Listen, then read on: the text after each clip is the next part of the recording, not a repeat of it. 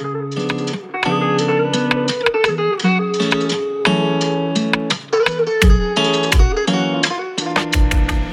6.30'dan herkese günaydın. Mikrofonda her cuma olduğu gibi ben İpek.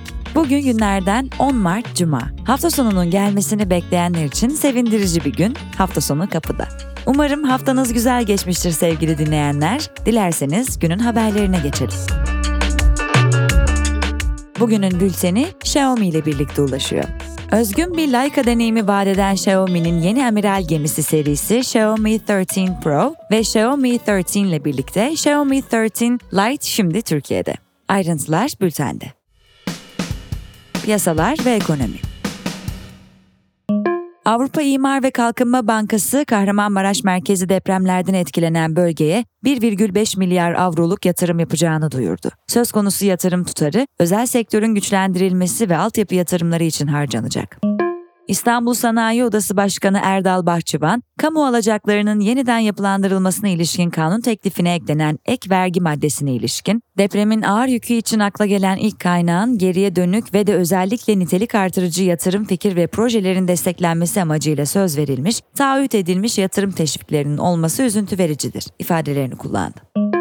Bankacılık Düzenleme ve Denetleme Kurumu BDDK tarafından yayımlanan verilere göre 3 Mart'la sona eren haftada kur korumalı mevduat hacmi 23,5 milyar lira artışla 1,58 trilyon liraya ulaşarak rekor kırdı.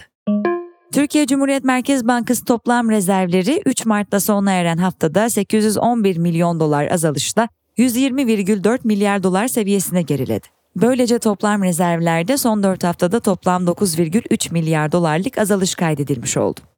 Çin İstatistik Bürosu ülkede tüketici enflasyonunun aylık bazda %0,5 azalışla yıllık bazda %1 seviyesine gerilediğini duyurdu. İş Dünyası ve Finans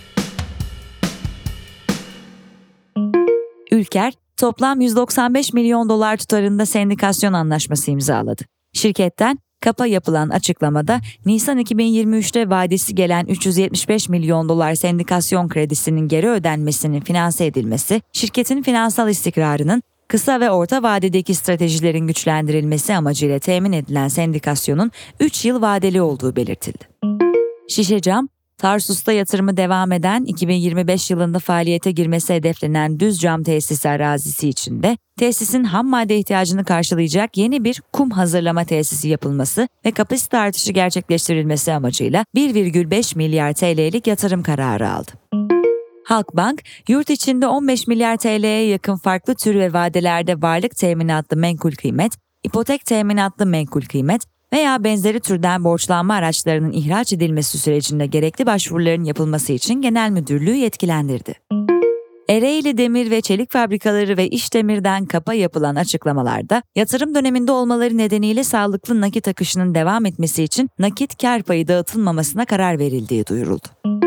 Finansal danışmanlık firması Ünlü Co. geçtiğimiz yıla ait finansal sonuçlarını açıkladı. 2022 yılında bir önceki yıla göre toplam kapsamlı gelirlerini %166 artışla 305 milyon TL'ye çıkaran firma, net karında yaklaşık %238 artışla 268,8 milyon TL'ye yükseltti. İş dünyasına dair önemli içgörülerden haberdar olmak, sektör analizleri ve gelecek öngörüleri takip etmek için Aposto'nun İş Dünyası yayını Pareto'ya abone olabilirsiniz. Pareto'ya ücretsiz abone olmak için açıklamadaki bağlantıya tıklayabilirsiniz. Politika Türkiye, İsveç ve Finlandiya arasındaki üçlü muhtıra çerçevesinde kurulan daimi ortak mekanizmasının toplantısı Brüksel'deki NATO karargahında yapıldı. NATO tarafından yapılan açıklamada Türkiye, Finlandiya ve İsveç daimi ortak mekanizmanın uzun vadeli değeri üzerinde mutabık kalmış, bu formatta işbirliğini sürdürme ve tekrar bir araya gelmek üzere uzlaşmıştır ifadelerine yer verildi. Türkiye'yi temsil eden Cumhurbaşkanlığı Dış Politika Başdanışmanı ve Sözcüsü İbrahim Kalın açıklamasında atılan bazı adımların memnuniyet verici olduğunu kaydettik. Ama süreç bitmiş değil. Terörle mücadeleyle ilgili adımları yakından takip etmeye devam edeceğiz. Kararlılığımızı ifade ettik, dedi. Anayasa Mahkemesi HDP'nin kapatılması istemiyle açılan davada partinin hazine yardımı hesabına tedbiren bloke konulması kararını kaldırdı. CHP lideri Kemal Kılıçdaroğlu Halk TV'den Fikret Bilan'ın HDP'yi ziyaret edip etmeyeceğine ilişkin sorusuna elbette HDP'yi ziyaret edeceğim. Cumhurbaşkanı adayı olarak tüm Türkiye'nin 85 milyonun Cumhurbaşkanı olacağım iddiasında biri olarak tüm partileri ziyaret etmem zaten demokrasinin gereğidir cevabını verdi. Cumhuriyet'ten Sefa Uyar'ın haberine göre İsmail Ağa cemaati ile bağlantısı olduğu bilinen Kardeşeli Derneği, Vakıflar Genel Müdürlüğü'nün 3 Mart'ta resmi gazetede yayımlanan kararıyla vakıflaştı. Vakfın mal varlığı ise 200 bin lira olarak belirlendi. Gürcistan'da iktidar partisi Gürcü Rüyası, başkent Tiflis'te iki gün süren protestoların ardından yabancı etkinin şeffaflığı hakkındaki yasa tasarısının toplumdaki çatışmanın azaltılması amacıyla geri çekileceğini açıkladı. Rusya'nın Ukrayna'nın başkenti Kiev, Harkov, Lviv ve Odessa başta olmak üzere ülke genelinde gerçekleştirdiği füze saldırılarında en az 6 kişi hayatını kaybetti. Ukrayna Devlet Nükleer Enerji Şirketi saldırılar sonucunda Zaporijya nükleer santrali ile ulusal enerji sistemi arasındaki son bağlantının kesildiğini açıkladı.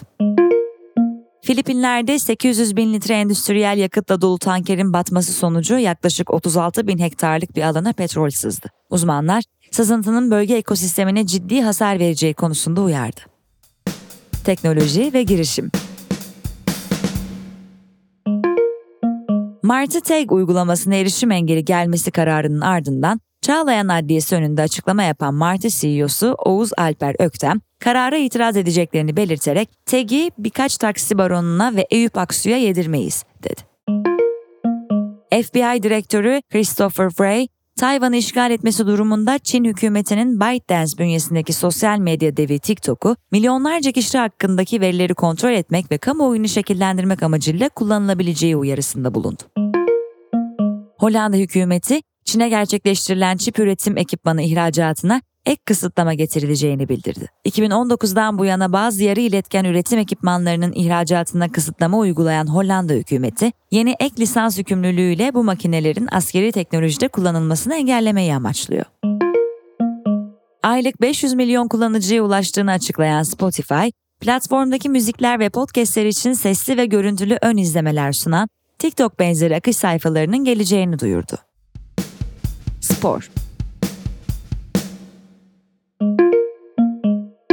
Kadınlar Aksa Sigorta Kupa Voleybol Dünya Baltacıoğlu özel sezonu çeyrek finalinde TH'ye Kuzey Boru'yu 3-2, Vakıfbank Galatasaray'ı 3-0 ve Aydın Büyükşehir Belediyesi Sarıyer Belediyesi'ni 3-1 yenerek dörtlü finale yükseldi. Geçtiğimiz hafta sonu düzenlenen Bahreyn Grand Prix'sinde 5. olan Mercedes pilotu Lewis Hamilton, Mercedes'in geçtiğimiz yıl aracını geliştirirken kendisini dinlemediğini söyledi. Hamilton, hayatım boyunca o kadar çok otomobil kullandım ki otomobilin neye ihtiyacı olduğunu ve olmadığını biliyorum sözlerini kullandı. Uluslararası Voleybol Federasyonu tarafından düzenlenecek Paris 2024 olimpiyat elemelerine ev sahipliği yapacak ülkeler belli oldu. Olimpiyat turnuvasını kadınlarda 16-24 Eylül'de Çin, Japonya ve Polonya, erkeklerde ise 30 Eylül 8 Ekim'de Çin, Japonya ve Brezilya düzenleyecek. İsviçre Başsavcılığı'nın FIFA Başkanı Gianni Infantino'nun masrafları FIFA tarafından karşılanan özel uçakla seyahat ettiği iddiasıyla ilgili açtığı soruşturma kapatıldı. Deprem gündemi Türkiye Komünist Partisi, Kahramanmaraş merkezi depremlerde Ahbap ve Türk Eczacıları Birliği gibi kuruluşlara çadır sattığı ortaya çıkan Kızılay hakkında suç duyurusunda bulundu. TKP, konuya ilişkin açıklamasında 9 suçun nedilleriyle savcılığa sunulduğunu bildirdi. TBMM Çocuk İstismarının Araştırılması Komisyonu geçtiğimiz gün deprem bölgesindeki çocuklarla ilgili çalışmaları değerlendirmek üzere toplandı. Toplantıda depremde kaybolan kişilerle ilgili Aile Bakanlığı, İçişleri Bakanlığı ve Emniyet farklı rakamlar verdi. İçişleri Bakanlığı 213 kişinin kayıp olduğunu, Aile Bakanlığı 78 kişinin kayıp olduğunu bildirdi. Emniyetten yapılan açıklamada ise 55'i çocuk, 195 kayıp ihbarının bulunduğu bildirildi.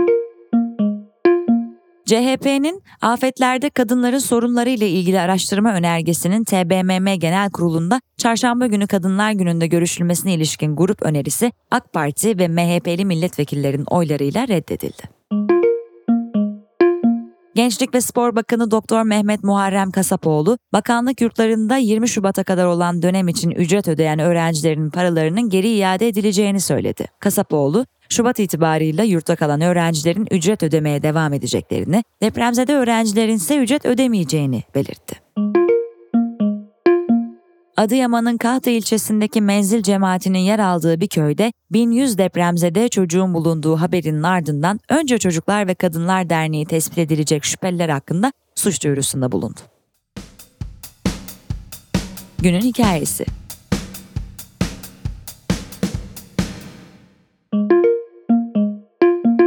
Fransa'da emeklilik reformu. Sevgili Can İnal sizler için kaleme aldı. Fransa Senatosu, Cumhurbaşkanı Emmanuel Macron'un önerdiği emeklilik reformu çerçevesinde ülkede asgari emeklilik yaşını 62'den 64'e çıkarılmasını öngören maddeyi 201'e karşı 115 oyla kabul etti. Muhafazakar Cumhuriyetçiler Partisi'nin çoğunlukta olduğu üst meclisin yasa tasarısındaki diğer maddeleri de tartışmak ve değişiklikler talep etmek için 12 Mart pazar gece yarısına kadar vakti var. Kararın hemen ardından açıklama yapan işçi sendikaları temsilcileri protesto gösterileri ve grevler düzenleyerek hükümet üzerinde baskı kurmaya devam edeceklerini bildirdi.